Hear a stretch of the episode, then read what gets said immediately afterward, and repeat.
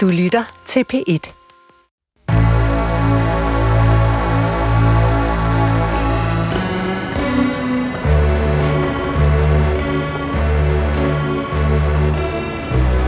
Du har ringet til Hemmeligheder på P1. Tak for din hemmelighed. Vi lover at passe godt på den. Min hemmelighed er, at øh, jeg plukker buketter i min genbrugshave. Velkommen til Hemmeligheder. Mit navn er Sanne Sigalben Moyal, og jeg har netop afspillet den første hemmelighed for den telefonsvar, du altid kan ringe til. Alt du skal gøre er at ringe på 28 54 4000, og så kan din hemmelighed blive vores hemmelighed. Du kan også sende os en besked, og så kan vi gøre din skrift til lyd. Det er blevet mørkt, altså sådan kronisk mørkt, og jeg glemmer det hvert år, altså hvor mørkt Danmark kan blive, når vi rammer vintertid. Om hemmelighederne bliver mørkere og bliver interessant at se, på den måde har vi faktisk ikke endnu katalogiseret jeres hemmeligheder. Men øh, vi nærmer os øh, julefrokosterne, så øh, kom frit frem. I dag så skal vi øh, facilitere hemmeligheder, som jeg vil sige varierer inden for det, vi på det her program kalder normalspektret. Men det er også bredt. Og til at øh, tale om jeres hemmeligheder har jeg inviteret radiovært og journalist Aminata Amanda Kåre. Velkommen til programmet. Tak skal du have. Hvad er dit forhold til hemmeligheder? Øhm, mest af alt er det noget, som jeg kvæg mit arbejde betragter som en form for kontrol. Altså en måde at holde lidt snor i sit liv. Det bliver du nødt til at uddybe. Ja. Altså mit arbejde går meget ofte ud på at øh, gøre mig selv uvenner med alle mulige spændende typer. Også sådan nogen, som ikke har særlig mange ressourcer, men rigtig meget tid til at skrive ting på internettet. Og som har øh, et andet moralsk kompas end mig selv i forhold til, øh, hvor meget alle knep gælder. I forhold til at, sådan, at jorde nogen, man er uenig med. Og derfor så er det, at mit privatliv er blevet en hemmelighed. Fordi ellers kan man bruge det imod mig. Altså så lidt, og nu kommer der en lidt langt ud sammenligning, men alligevel. Så dengang man talte om, hvorvidt Lars Finsten havde haft et ekstraordinært øh, sexliv, øh, og man var sådan, det må han vel godt, og må man det, og det må han... Så var det jo måske ikke, fordi han havde et ekstraordinært sexliv, og det var interessant, men det var fordi, man var bange for, at det kunne bruges imod ham, hvis... Øh, og så fremt, at han blev fanget i et eller andet, hvor man skulle bruge sådan noget imod ham, altså i en eller anden prekær sag. Og det er faktisk det, du tænker? Ja. Øh, I udpræget grad også sådan noget følelsesmæssig afpresning. Ikke? Øhm, meget præsent har vi, øh, jeg mener, et P1 Morgen forleden med Abdelaziz og Jotam, som var inde og fortælle om øh, trusler, de har fået. Øh, Abdel fortæller også, at det er gået ud over hans mor, for eksempel. Så for mig er hemmeligheder også en måde ligesom at slå ring om nogle mennesker i mit liv. Fordi så snart man smider dem op på en scene eller op på i en eller anden form for offentlighed, så er de ligesom øh, for, for nogle mennesker øh, pludselig øh, helt legitime mål for, for grimme ting. Ikke? Så det andre vil kalde privatliv bliver for dig næsten hemmeligt? Ja. Det er en første gang øh, i det her program, at det har været en selvstændig pointe. Så den tror jeg egentlig bare, jeg vil lade stå. Men jeg synes, vi øh, skal lytte til den første hemmelighed. Hej. Jeg har lige været nede for at tage sol for første gang i i hvert fald 10 år. Og det er der ikke nogen, der skal vide, fordi jeg er ikke den person. Men øh, det har været en lortesommer, og jeg har lige fået et barn, og jeg er sindssygt bleg. Og jeg har tænkt mig at sige, det selv, Bruner, hvis øh, nogen lægger mærke til det. Det er faktisk ikke den første sådan, nu ser sol, solarie-hemmelighed, vi har i det her program. Altså hvis man tænker, er det en kategori? Så vil jeg faktisk sige, det er det. Øh, nu har jeg, min, øh, min egen erfaring med Solaria er begrænset.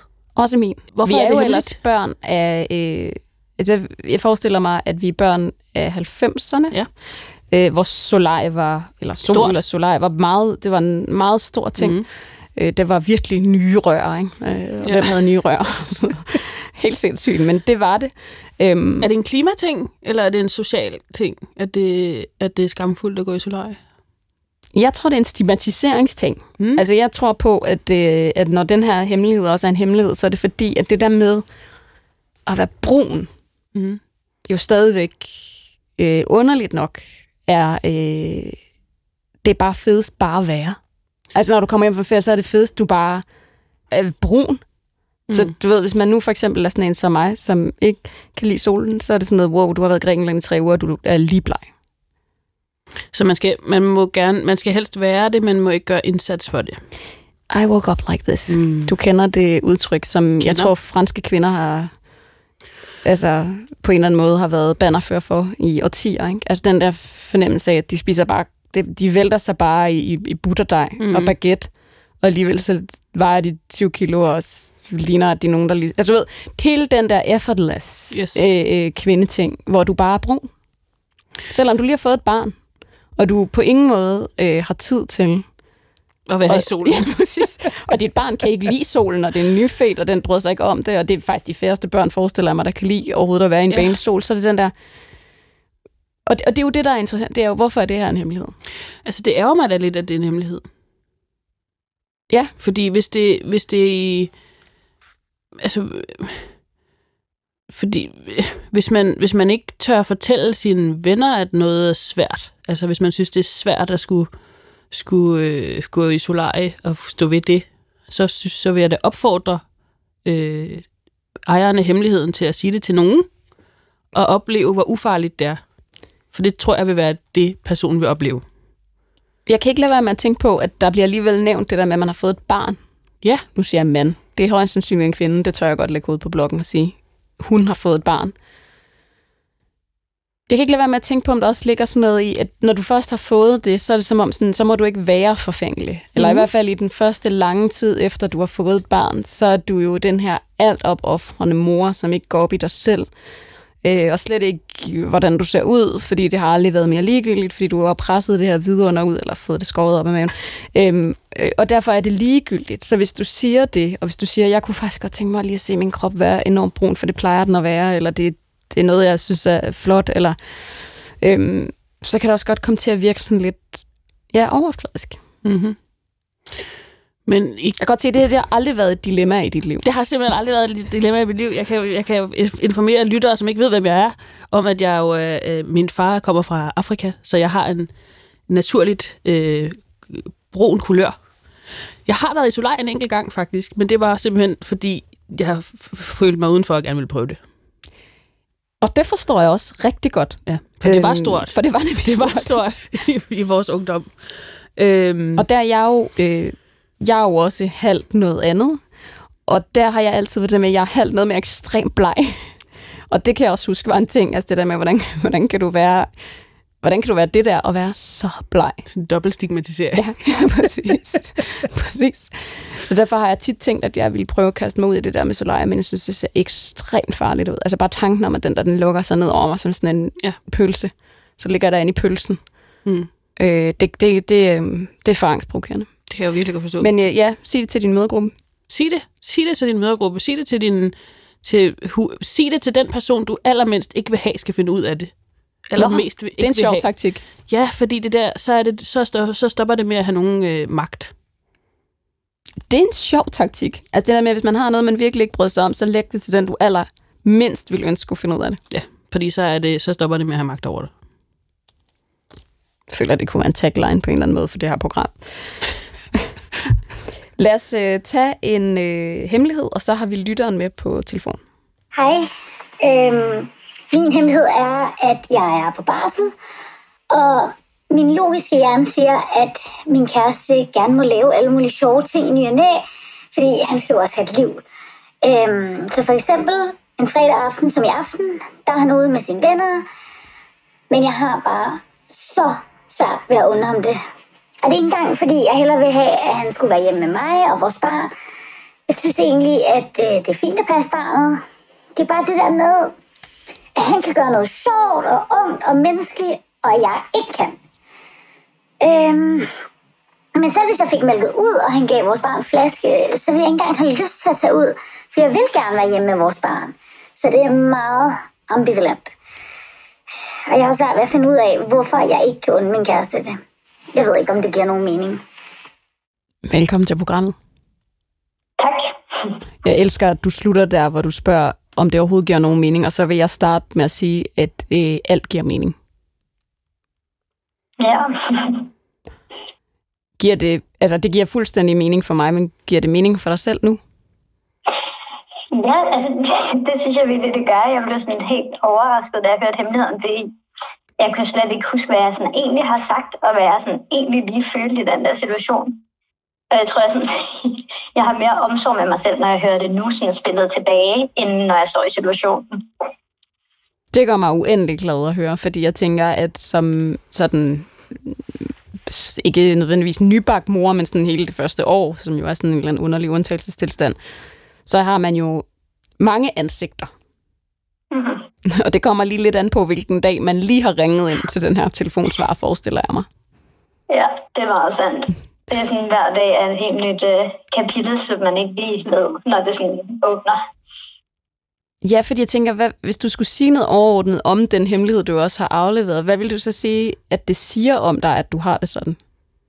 Jeg tror, det er sådan en eller anden kamp mellem sådan, den, jeg gerne vil være, og den, jeg så sådan rent faktisk er, eller det, jeg føler, når det sådan kommer til stykket.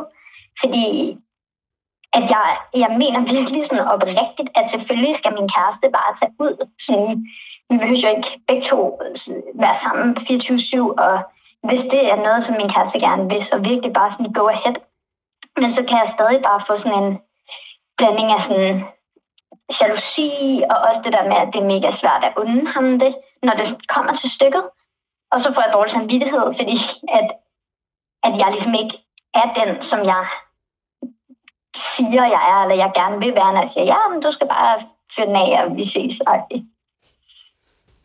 Altså, jeg er meget glad for, at du ringede ind, for jeg tror alle... Øh, ej, jeg tror, de fleste øh, barslende møder kommer til at kunne spejle det her rigtig meget. Altså den der helt vildt ambivalente følelse af, at også man havde en forestilling om, hvilken mor man troede, man ville være. Og hvilken mor man så lige er den der eftermiddag, torsdag eftermiddag, når man ikke har sovet en hel nat og gyldt på sig og egentlig bare er lidt ved siden af sig selv. Og der tænker jeg sådan, hvad havde du for, hvilken mor havde du forestillet dig, at du ville være? Jeg tror ikke engang, som, at det her i hvert fald, altså den her hemmelighed er så meget med sådan, at vi mor, men mere sådan hvilken kæreste i forældreskabet.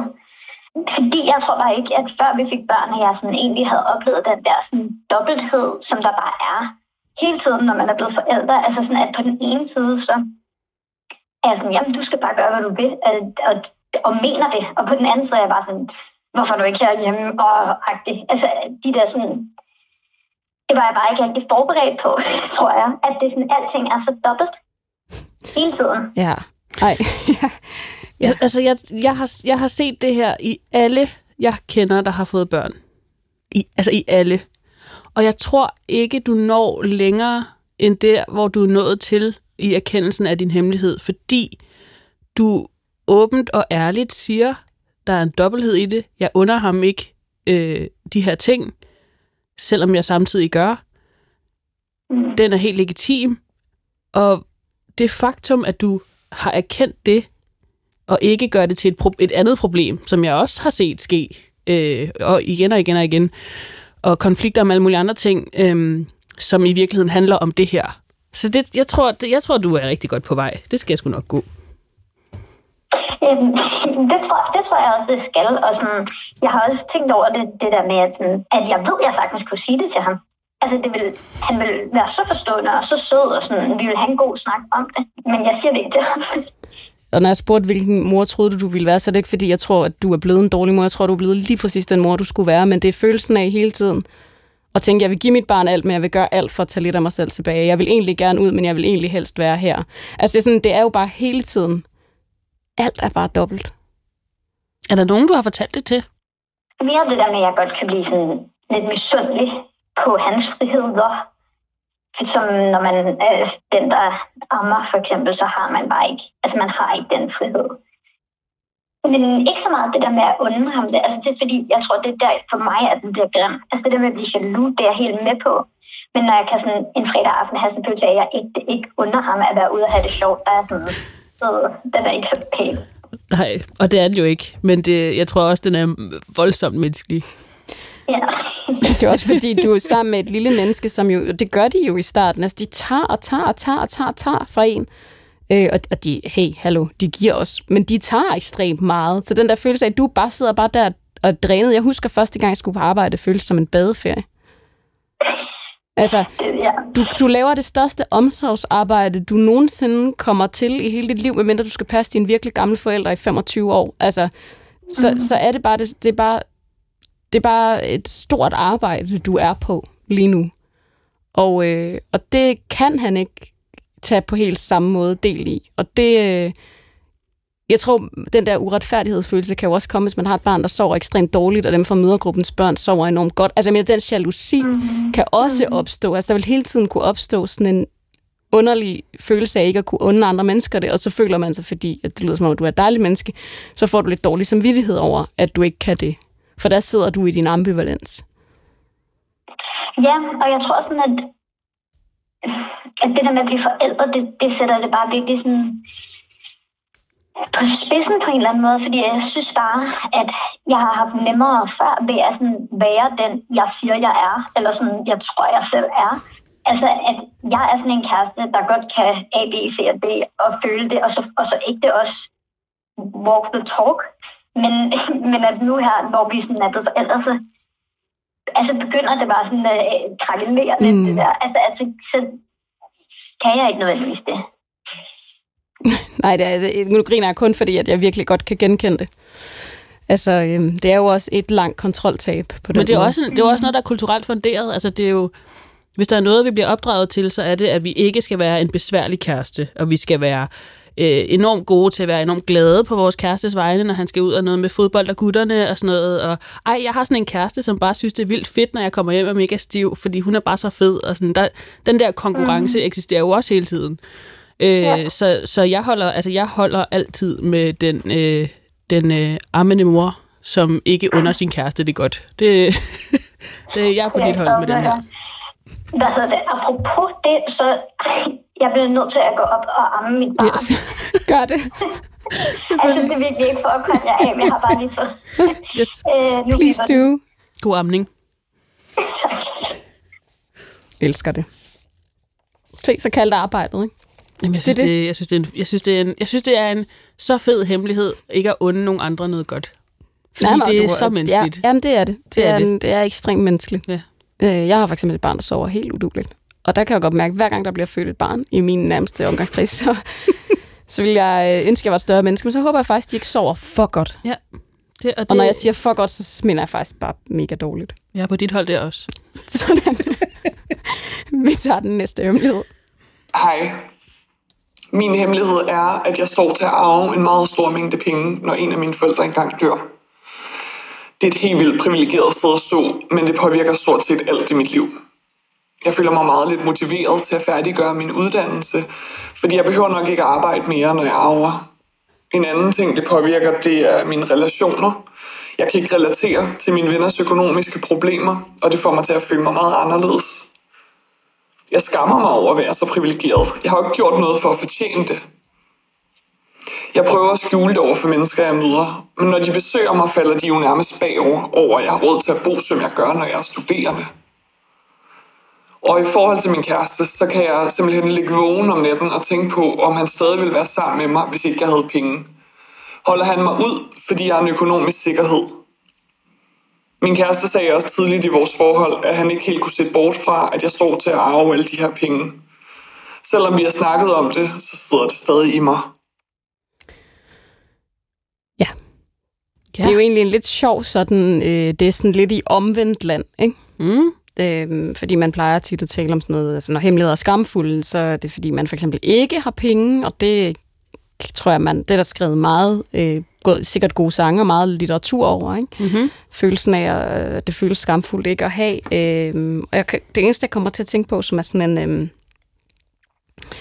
og nu må Glenn Beck jo så skrive til mig efterfølgende, hvis han siger, at jeg siger noget forkert, eller citerer ham forkert. Men han havde sådan en... Øh, der er sådan en passage i, i, øh, i det der manifest, han har skrevet. Jeg anerkender ikke længere jeres autoritet.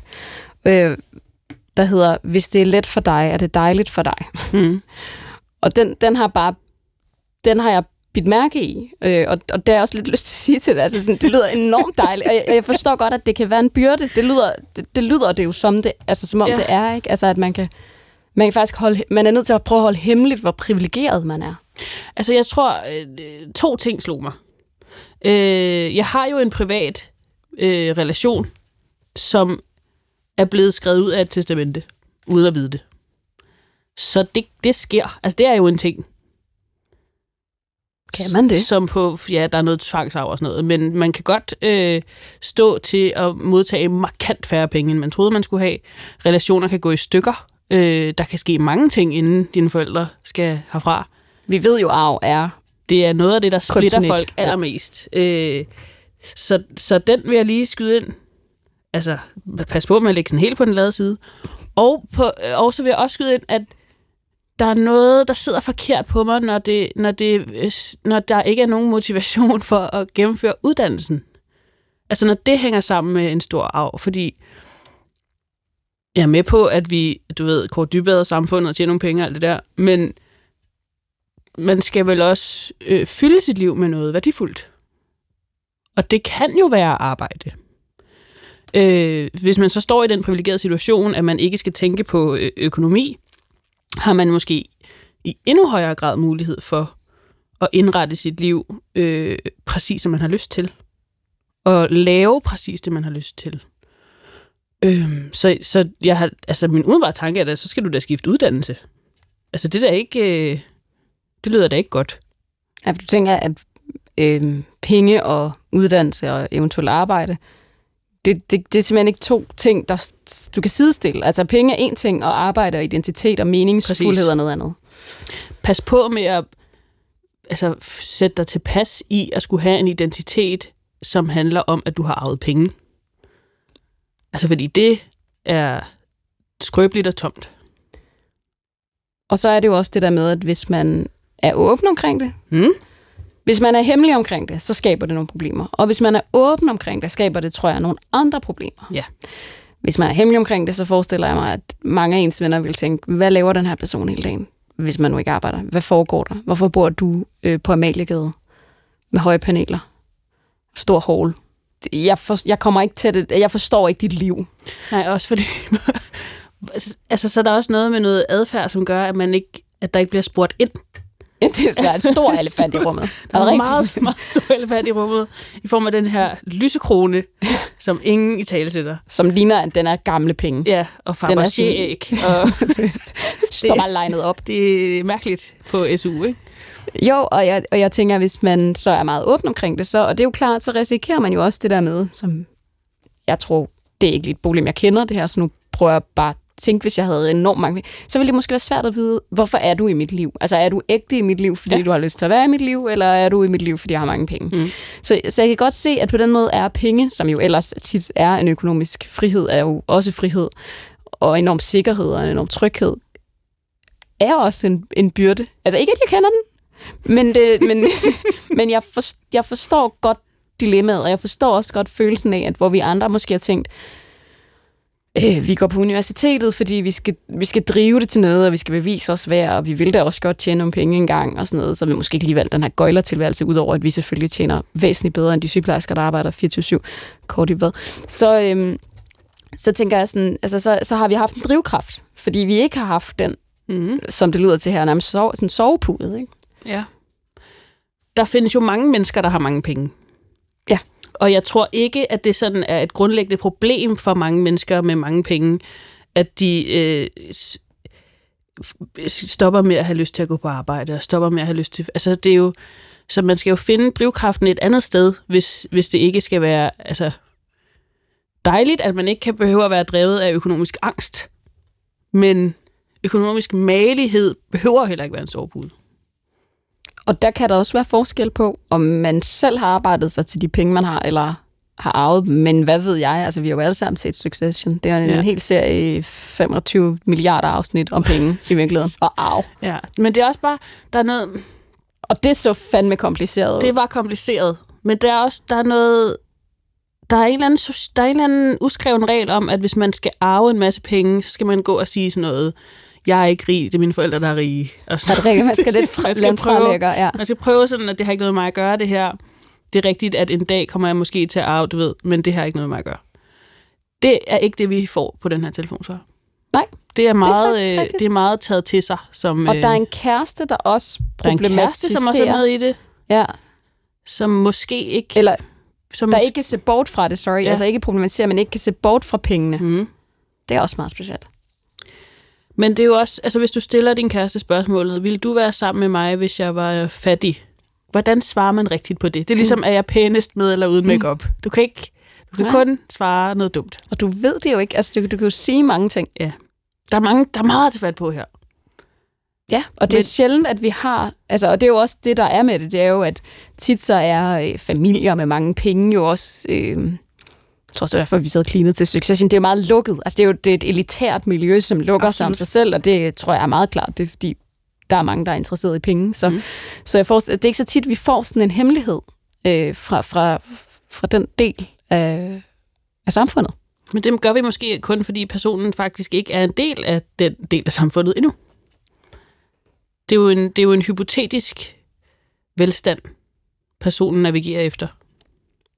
Og når man ikke har pengene endnu, ikke? Jamen, det, det, er farligt, det er et farligt game. der er det jo... Øh, der er virkelig noget med penge meget... Det er meget fiktivt, det hele, du. Det er det. Ja. det er nogle Jeg håber ikke, at det er, øh, det er penge i bitcoins. Lad mig sige det sådan. vi tager en øh, hemmelighed mere, og så har vi lytteren med på telefon. Min hemmelighed er, at jeg har meldt min øh, tidligere arbejdsplads til arbejdstilsynet. Jeg tror, at det handler om, at jeg håber, at arbejdstilsynet snart får øje på, hvor fucked up den arbejdsplads er. Og en del af det er nok også lidt hævn. Velkommen til programmet. Tak. Vi skal, vi skal ikke ind i, hvor du har siddet på hvilken pind og sådan noget. Det er også fuldstændig ligegyldigt egentlig for hemmeligheden. Men, men kan du sige bare sådan overordnet set, hvad er det for et job, vi har med at gøre? Jamen, øh, der er tale om et job i NGO-branchen, og derfor er der også tale om et job, hvor at, øh, folk elsker at fortælle hinanden, at øh, grunden til, at man arbejder, det er jo fordi, man øh, gør verden til et bedre sted. Ja, for jeg skulle lige til at sige, at vi er næsten nødt til at forstå, altså jeg kender mediebranchen, det gør min altså også, jeg ved ikke, om du har siddet andre steder, men sådan, hvis du skulle beskrive, og nu var du lidt inde på, hvad, hvad er det så for et arbejdsmiljø, vi er ude i? Jamen, det er jo et arbejdsmiljø, som på mange punkter øh, stiller enormt store øh, krav til den enkelte. Forstået på den måde, at man jo, det bliver meget hurtigt en stor del af en ens identitet, fordi det er bygget op omkring det her øh, velgørende og, og det gode for samfundet. Så det vil sige, at hver gang du nedprioriterer dit arbejde, så nedprioriterer du også den sag, som hele arbejdet er bygget op omkring. Det giver rigtig god mening, og kommer, man, kommer, man kan få folk til at arbejde for en lidt dårligere løn også, og man kan give dem nogle lidt dårligere rettigheder og sådan noget, fordi det er jo det gode for samfundet. Hvis, jeg, hvis du skal svare helt 100% ærligt, hvor stor en procentdel er hævn, og hvor stor en procentdel er samfundstjeneste? Jeg tror, øh, det meste af det er nok øh, samfundstjeneste, øh, selvom jeg alligevel ikke tror, at det er det, hvor jeg vil lægge på det. Det handler snarere om, at når man nu står og kigger på det udefra, så ville jeg ønske, at nogen havde gjort det øh, tidligere, og på vegne af mig. Øh, men jeg kan nok heller ikke mig fri fra, at der er jo også del af det, som handler om, at nu er jeg der ikke længere, og jeg ønsker også, at ting skal blive bedre. Og i det ligger der jo også et, et hævnmotiv. Er der nogen, du skal have ned med nakken? Jeg tror, at her, her er der mere at tale om, at det sådan er strukturelt, at jeg gerne vil, vil sikre, at det bliver bedre. Ser du det klare nu, hvor du er på afstand af det? Ja, jeg er det klar på den måde at forstå, at øh, det, der ligesom også gør det til en hemmelighed for mig, er, at jeg fortsat har ret store relationer, både i branchen, men også på min tidligere arbejdsplads. Så jeg ser jo, hvordan de stadig er, er fanget og bundet af den kultur, som der hersker. Altså, for, øh, og nu spørger jeg bare uvidenhed, men er det også fordi, at man ligesom køber sådan en... Øh, det lyder næsten som sådan en sekt. Det kan mediebranchen også gøre, hvis man beskriver den indenfra. Så kan det også være sådan lidt, hvis du ikke kan lide lugten i bageriet, så må du... Nej, nej, nej. Er det også fordi, at der er sådan en øhm, følelse af, at du er med os, eller er du imod os? Ja, det er jo i høj grad det, som det ligesom er er bygget op om. Det er jo, øh, det er rundt om sagens kerne. Øhm, og derfor opstår der jo bare øh, noget i det. Og så netop fordi, at det hele kredser sig om, at, øh, at verden skal blive bedre, så bliver det jo et spørgsmål om, at, øh, at hvis du ikke kan leve op til det, og hvis du ikke kan øh, præsterer på det niveau, jamen så er du ikke med til at gøre, øh, gøre det gode, som vi i fællesskab bidrager til. Og det stiller jo på den måde nogle ret, ret vilde øh, psykiske betingelser for en arbejdsplads. Ja, fordi enten er du et dårligt menneske, eller så er du et lidt dårligere menneske. Præcis. Føles det øhm, mest skamfuldt eller mest retfærdigt at have meldt dem? Det føles nok mest skamfuldt forstået på den måde, at jeg, jeg tror, at øh, jeg var taget op i en relation, hvor man jo meget blev fortalt det her med, at man aldrig skal smække med døren, når man går. Og det føler jeg jo heller ikke, at jeg for så vidt har gjort. Men alligevel er der en skam i mig, der hedder, at hvis, hvis folk fulgte ud, ud af det, så ville de måske tillægge nogle motiver, som det i virkeligheden ikke handler om. Øhm, og det føles skamfuldt. Så har du fortalt det til nogen? Jeg kan ikke lade være med at tænke, at det... Altså, øh, nu laver jeg jo både øh, sådan noget et, et debatstof og alle mulige ting, så jeg har ret meget af sådan nogle øh, berøringsflader med forskellige aktivister. Øh, og det, det, jeg kan enormt godt genkende øh, den der verdensforståelse fra de miljøer. Hvor der også, øh, lidt nu kaldte du mediebranchen lidt øh, sekterisk før, det kan man imod også øh, sige, sige om de her. Øh, fordi det jo er den gode sag. Og hvis du ikke vil være en af os, og altså den her med at gå til en myndighed, og altså at sladre til en myndighed om den her vidunderlige sag, som skal gøre hele verden bedre for nogle, der nogle fattige mennesker, eller nogle kvinder, eller nogle minoriteter på en eller anden måde. Hvad bilder du dig ind? Den er enormt øh, øh kraftigt, enormt kraftfuldt kort at have på hånden. Så jeg synes i virkeligheden, det er en enorm modig hemmelighed. Jeg synes, det er... Øh, altså enhver, der har været en del af en, nogen som helst arbejdsplads, ved, at sådan noget som kultur på en arbejdsplads kan være stort set umuligt at modsætte sig. Øh, og så synes jeg sagtens, at man kan øh, øh påtage sig ansvaret, når man har forladt det. Det tror jeg måske i virkeligheden, at, at øh, mange ville have, altså at, at vi kollektivt ville have mere gavn af, at det var legitimt at, øh, at sætte ind. Øh, også på bagkant. Og for, altså, man kan sige, hvis arbejdstilsynet så dukker op, og der ikke er noget, at der ikke er noget at, at, altså ikke nogen fingre at sætte på det, så er der jo ingen skade sket. Så det er jo lidt en victimless crime med mulighed for, at noget kan blive bedre, ikke? Jo. Så det synes jeg egentlig er, jeg synes, det er en meget nobel hemmelighed. Jeg kan i hvert fald godt øh, 100% tilslutte mig øh, den beskrivelse, øh, du lægger. Altså forstået på den måde, at det, det der jo også er så paradoxalt, det har jeg jo også tænkt på, mens jeg var der. Øh, den her idé om, hvor meget vi kæmper for andre. Øh, der er noget paradoxalt i, at man så er internt i den branche, ikke også øh, kæmper for sig selv mm-hmm. og sine egne rettigheder, og man ikke står op for dem. Øh, men det er jo fordi, det, det på en eller anden måde øh, i det bliver øh, ligesom anden prioriteten. Ens egen øh, velvære og ens godt befindende og ens rettigheder kommer på en eller anden måde til at stå i anden prioritet. Det er jo også fortællingen om sådan den der selvopoffrende øh, godhed. Mm. Øhm, og det er ikke for at underkende, hvad NGO'er gør, fordi det tænker jeg, det, men det behøver vi overhovedet ikke. Jeg tror måske i virkeligheden, at man kan brede det ud over til altså alt, alt arbejde, unge mennesker udfører. altså alt arbejde, som du kan få øh, en praktikant til på en festival. Og altså det, jeg tror, det, jeg tror, man, jeg tror, det er et meget stort problem. Og relativt strukturelt. Og nemlig struktur, det strukturelle er lige det, jeg vil tage fat i her til sidst. Altså, tit har det været sådan, øh, når man har hørt de der historier på bagkant, hvad enten det er MeToo eller dårlige arbejdsforhold, så er det sådan noget, hvorfor sagde folk ikke noget, mens det stod på? Øh, hvorfor kommer det altid bagefter? Sagde du noget, mens du stadig var i det? Ja, det gør jeg op til flere gange. Jeg tror lige der var jeg måske nok også lidt, øh, hvad skal man sige, killjoy eller den irriterende. Mm. Good for you. Oh, ja det er altid godt at være en killjoy. Øh, det er øh, Aminatas øh, store kæphest ja. åbenbart i, i det her program indtil i hvert fald. Øhm, Ødelæg altid den gode stemning. Det er jeg. Lige her til sidst, hvorfor havde du lyst til at dele det med os? Jeg tror, at øh, det var et spørgsmål om, at det jo, det jo netop føles ekstremt skamfuldt, men alligevel også øh, ikke gør det, og jeg havde på en eller anden måde bare behov for at få det ud af verden.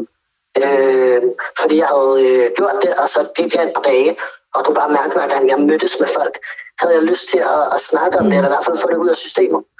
Og så øh, blev jeg her. Det er vi virkelig glade for. Det er den første af den slags hemmeligheder, vi har i programmet. Så, øh, så tak for at ringe ind. Det var så lidt. Vi tager faktisk bare en hemmelighed mere, og der er ikke nogen smuk overgang. Fint. Hej. Min hemmelighed er, at jeg er bange for mine bumser. Jeg føler ikke, at jeg kan gå nogen steder, når jeg har dem. Og lige nu føler jeg mig fanget indenfor, og det gør mig ængstelig. Og det gør mig træls, at det ikke bare er sådan en ting, der er okay at have. Ligesom hvis man har ondt i tænderne eller et eller andet. Det er med, at det skal være noget, man har i ansigtet, som er ulækkert. Og jeg ved godt, at mit ikke er vildt slemt. Men når det så er der, så bliver jeg så selvbevidst. Og jeg tænker så meget over, hvordan jeg ser ud. Og jeg hader det. Jeg hader det virkelig meget. Hvis jeg kunne have et ønske i hele verden, så ville det bare være at få det væk, selvom det sikkert er meget normalt. Eller det, det ved jeg ikke. Eller det er det. Og jeg er i starten af 20'erne, hvis det har noget at sige. Tak. Vi taler tit om, hvordan de der hemmeligheder bliver indtalt på telefonsvaren, fordi det er jo sådan en... Det er helt vildt underligt og sådan kunstigt at tale til en telefonsvarer. Ja, for der er ingen, der siger noget. Nej, præcis. Så det er jo sådan, det der med sådan, åh, det er det, men det er det ikke. Altså det der med, at man kan komme ud i næsten at tale til sig selv, ikke? Altså, Ja, det bliver meget ærligt. ja.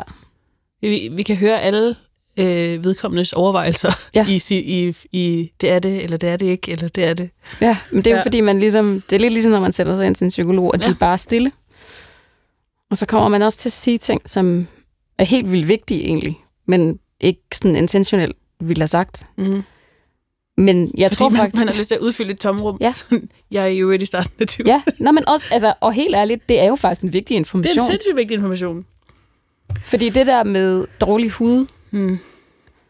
øh, for det første er det jo øh, relativt.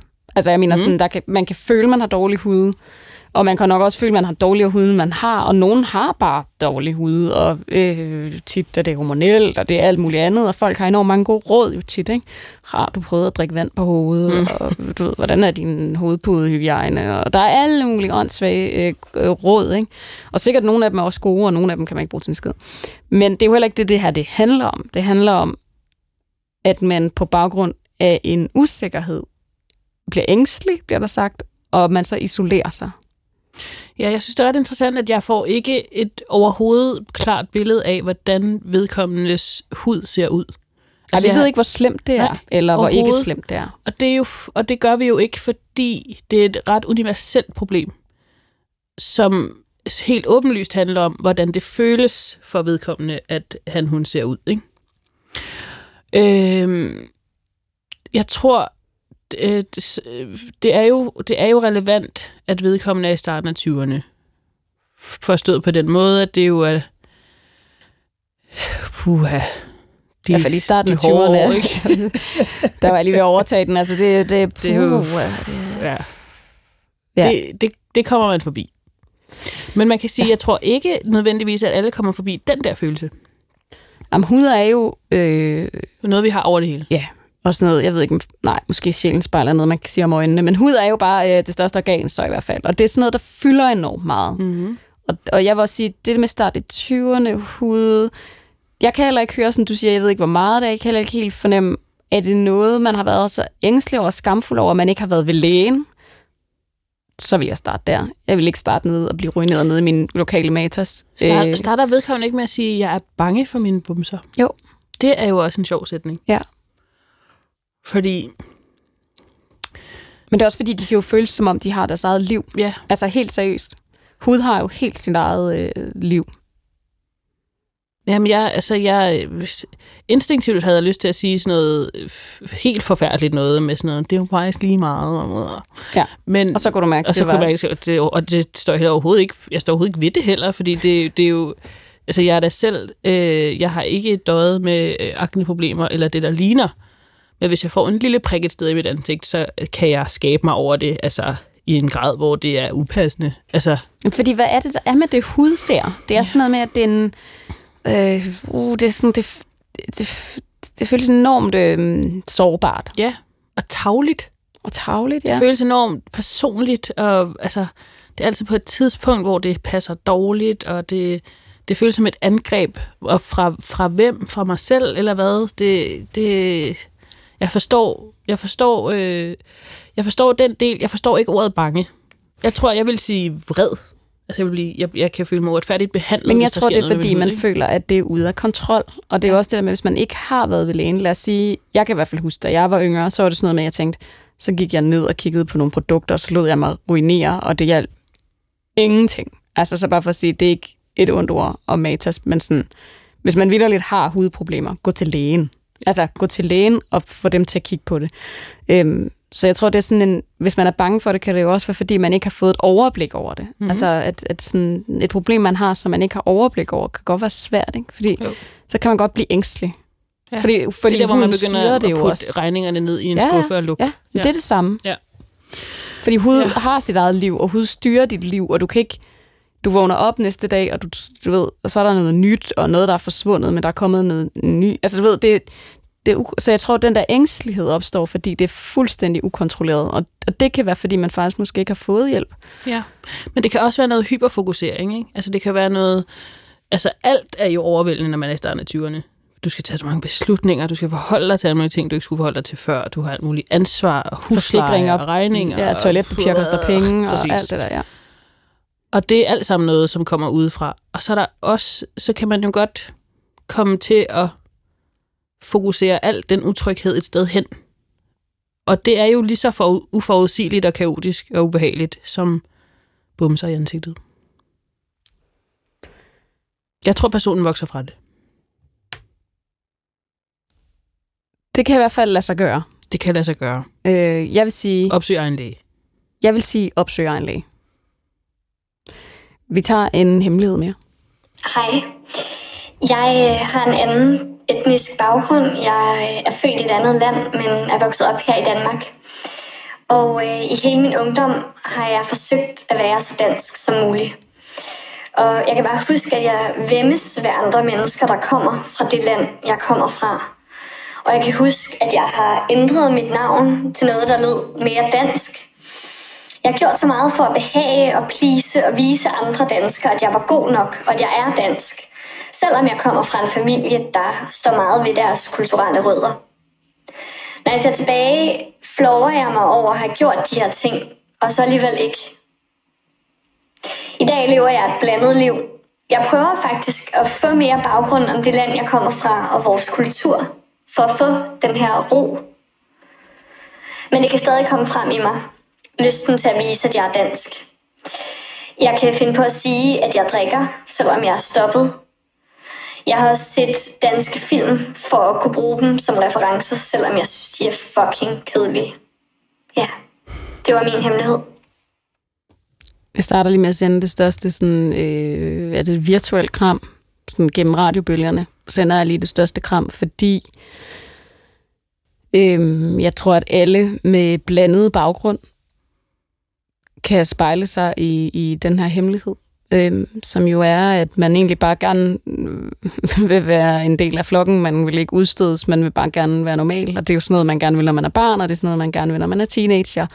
Og på et eller andet tidspunkt, og det lyder som om det der, du er nu, så når man også til et punkt, hvor man egentlig gerne vil forstå sig selv. Og når man har en anden baggrund, eller en blandet baggrund, så har man jo noget, der nærmest er sådan en tredje identitet. Altså at man er noget, og så er der samfundet, og så har man ligesom den identitet, man på en eller anden måde er nødt til at skabe sig selv.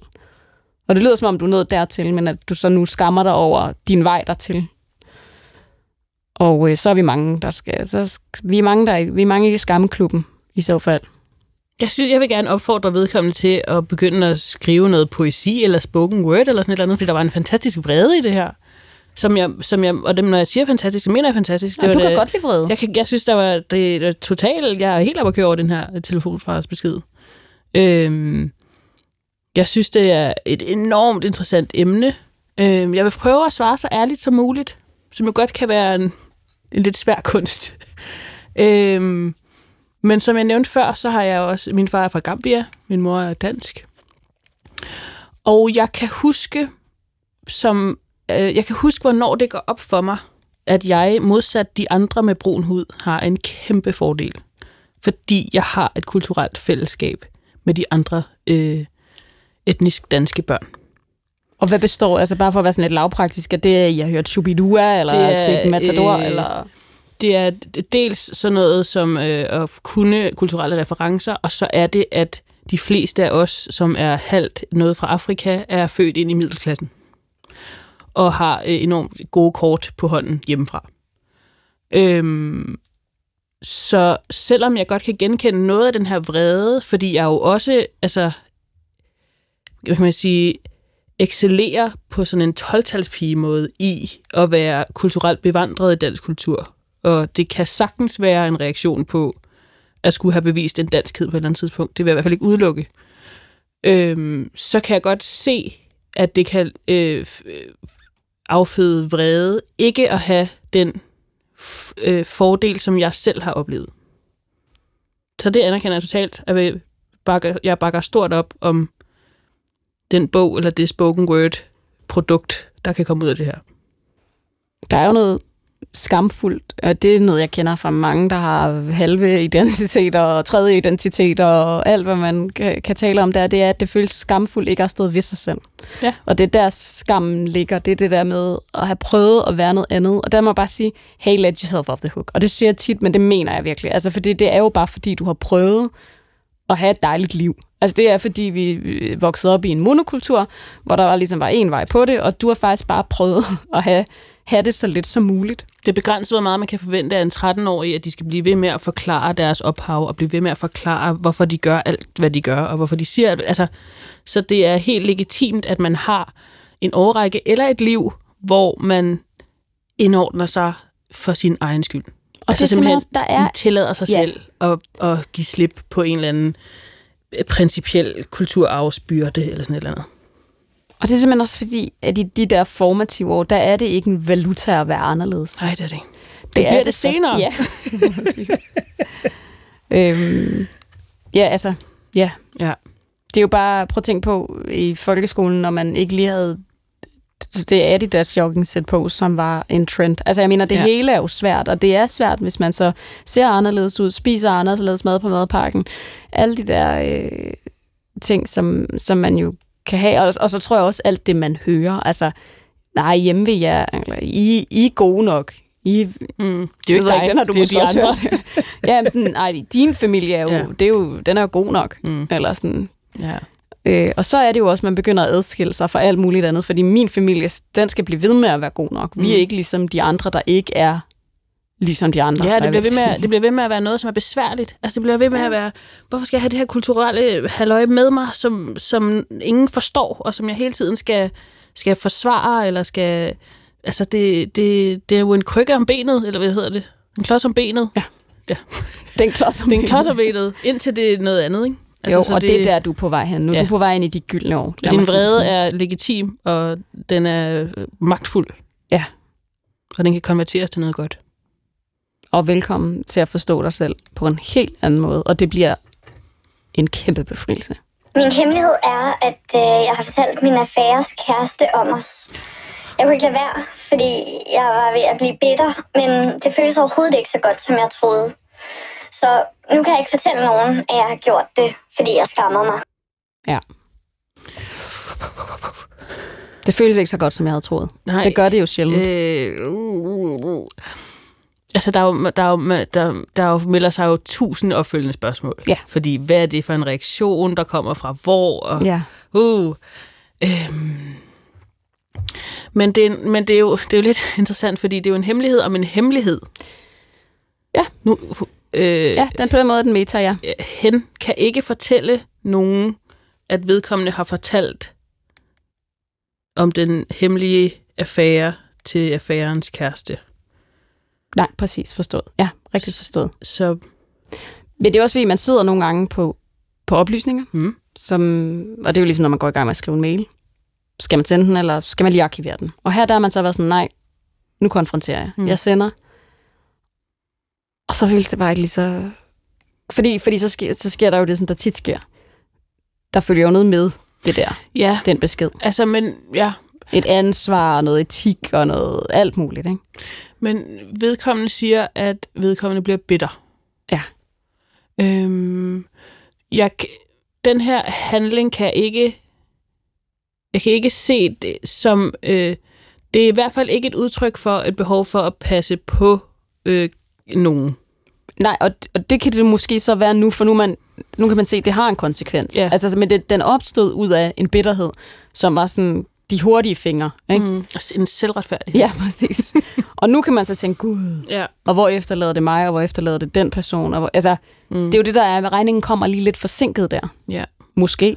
Og det er vel for, går jeg ud fra, at skade personen, som personen har en affære med. Men det skader jo så immer væk også meget direkte personens kæreste. Jamen, det er øhm, en lille atombombe jo. Ja, det er det. Der er jo ikke nogen, der ægte kommer godt ud af den her. Alle taber. Ja, det er det. Ja. Og det kan føles lidt, men hvis man har de hurtige fingre, hvis jeg lige refererer til de hurtige fingre igen, så kan man jo, når man har dem på, Mm. så kan det føles rigtig dejligt. Ja. Øhm, og så kan de hurtige fingre jo, øh, det, det kommer bare med en pris. Og det er det, jeg kan fornemme her. Vi, vi kender ikke prisen endnu. Atombomben er blevet smidt, Ja. men vi ved ikke endnu, hvor meget den har destrueret. Men højst sandsynligt det hele jo. Ja, ja, men det har den jo. Fordi nu er der jo så en, en, en ny kæde af mennesker, der skal forholde sig til noget. Ikke? Ja. Fordi så er der den her kæreste, som så nu skal tænke, jamen, nu har jeg den information. Og Og hvad skal jeg gøre med den? Og var det en kæreste, der havde lyst til at have den information? Det Ja. ved vi jo heller ikke. hvem, er der nogen, der skal slå op? Eller gider man... Og Altså, skal kæresten så nu også have hævn? ja, Ja, det, det, det, det, det, det er bare for at sige, den kommer til at stå for sig selv, fordi den er... Ring ind igen. Ja, fordi, ja, fordi der er jo... Hvis, det er jo, det er jo en, det er en, det er en, det er en hemmelighed, som i forvejen er begrænset. Det er en, hem, det er en, det er en person, som, jeg, som kan fortælle et lille udvalg af mennesker, at de har en, noget med en affære kørende. Og nu, inden i den affære, har personen så gjort noget, som personen end ikke vil stå ved, over for personerne, som personen står ved sin affære til. Og det, det, Ja, sætning. øh, Men vi forstår. vi, ja, ja, Men det er dårligt. Men vi forstår. det er dårligt. ja. Ja. Nu er vi nået til det tidspunkt i programmet, hvor du skal fortælle også en hemmelighed. Ja. Problemet er, øhm, når man holder noget hemmeligt, er der en meget fin grænse til, at man ikke står ved det. Eller at det virker, som om man ikke står ved det. Og den hemmelighed, jeg vil afsløre, er noget af det, jeg står allermest ved i hele verden. Så det kan jeg jo ikke holde hemmeligt. Og man kan sige, at det, jeg må, så må tage med, det er, at, at nogen vil bruge det mod mig. At nogen vil bruge det imod nogle andre i mit liv. Og det må jeg også forholde mig til. Fordi man kan ikke beskytte mennesker for dårlige oplevelser i livet. Øh, min hemmelighed er, at jeg i otte måneder nu har øh, været gravid, og altså jo lige om fem minutter venter en lille datter. Og det bliver hendes livsvilkår, at jeg er hendes mor. Øh, det har taget mig lang tid. Og hun er ekstremt heldig. Men, Ja. jeg, Det synes jeg også. Ja. Men, men jeg forstår. Det, det har taget mig lang tid. Altså, jeg har holdt det mere hemmeligt end, end sådan almindeligt. Sådan, Nå, men det siger vi ikke til så mange. Og sådan noget. Det, har holdt, det har været en hemmelighed. Det har ikke været fordi, det har været sådan en lille sød hemmelighed, Nej. som du har bundet en sløjfe omkring. Nej, nej. Hvis folk har sagt tillykke til mig, som jeg ikke selv personligt har fortalt det til, har jeg sagt, øh, nå tak, eller andet. Hvor ved du Men min krop og mit ansigt har jo skrevet, hvad rager det dig? Gå væk fra mig. Du skal ikke komme, jeg har ikke overhovedet inviteret dig ind i det her. Øh, fordi det er et stort kontroltab. Det er et kæmpe kontroltab. Men Og- jeg kan jo heller ikke beskytte hende fra, at hendes morfar er fra Gambia, og hun kan have en farve, som nogen kan have et svært forhold til. Og øh, jeg kan heller ikke beskytte hende fra, at øh, altså, folk er skød i samfundet. Altså, det kan, ikke, det kan man jo ikke. Men det tog mig lige otte måneder at acceptere det. Så da du spurgte, om jeg ville være med i programmet her, så tænkte jeg, det her, det kan simpelthen ikke være en hemmelighed. Så nu er du nødt til at... Altså, den har jo en udløbsdato. det. Ja, det har den. Jeg havde en plan om bare at forsvinde og komme tilbage. Og være sådan, nå, har jeg været væk? Det ved jeg ingen. Altså, der er jo selvfølgelig et element af, at det, at det er alle forældres skræk, at der noget kan ske, og forældreskabet er jo bare vidderligt et langt kontroltab. Men mm. hører jeg dig alligevel også sige, at altså nu er jeg sådan ude i sådan det helt strukturelle, men at der også bare er nogle forholdsregler at tage, når man er offentlig øh, person i en... og det er Også fordi du, du har været debattør, du er kommentator. Øh, du sidder ikke bare og hygger dig med sådan noget naturens Absolut. veje. Altså, at der også er sådan en, en lille, øh, ikke nødvendigvis kritik, men sådan en observation af, hvordan det er at være øh, skydeskive. Altså, det er jo, det er jo et, øh, et bevidst valg, at jeg har stillet mig frem som skydeskive. Øhm, så, så, så, så det er ikke fordi, at jeg sådan vil have lavet den disciplin om. Det, der, der behøver ikke særlig, et særlig, særlig stort element af offentlighed i ens liv, før at der skal kun én tosse til at, ligesom, at, at fokusere på dig som person, og så kan de ødelægge alt for dig. Ikke? Det kan være, at du har været i Godmorgen Danmark en enkelt gang. Altså, du ved, der, der er ikke... Det kan, det, der, der er tosset mennesker over det hele. Øhm, men, men det har helt klart Øh, hvad skal man sige, det har helt klart været noget, jeg skulle forholde mig til, og som jeg har forholdt mig til over lang tid. Og, og, min, og jeg har øh, ligesom skulle erkende, at der ikke er særlig meget, jeg kan gøre ved det. Det kan være, at jeg vil slække lidt på mine sådan lidt arbitrære øh, regler for ordentlighed i forhold til, øh, hvis der er nogen, der sender mig en meget hadsk besked, så lægger jeg den ikke offentligt ud med deres navn på, fordi et eller andet. Det kunne jeg godt finde på at være mere ligeglad med, hvis det gik ud over mit barn, kunne jeg forestille mig. Men ellers så har jeg ikke rigtig nogen øh, handlemuligheder i det. Udover bare at acceptere tingenes tilstand. Tak fordi du delte din hemmelighed, og ja, stort tillykke. Og, øh, tak, Tak for, tak for platformen til min hemmelighed. og tak fordi du var med til at lytte til alle mulige andre menneskers.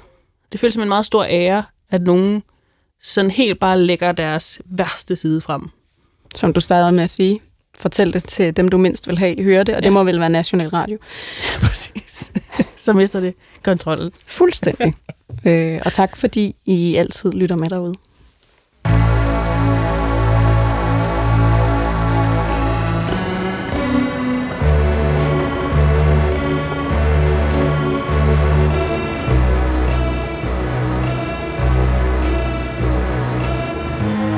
Du har ringet til Hemmeligheder på P1. Tak for din hemmelighed. Vi lover at passe godt på den. Gå på opdagelse i alle DR's podcast og radioprogrammer. I appen DR Lyd.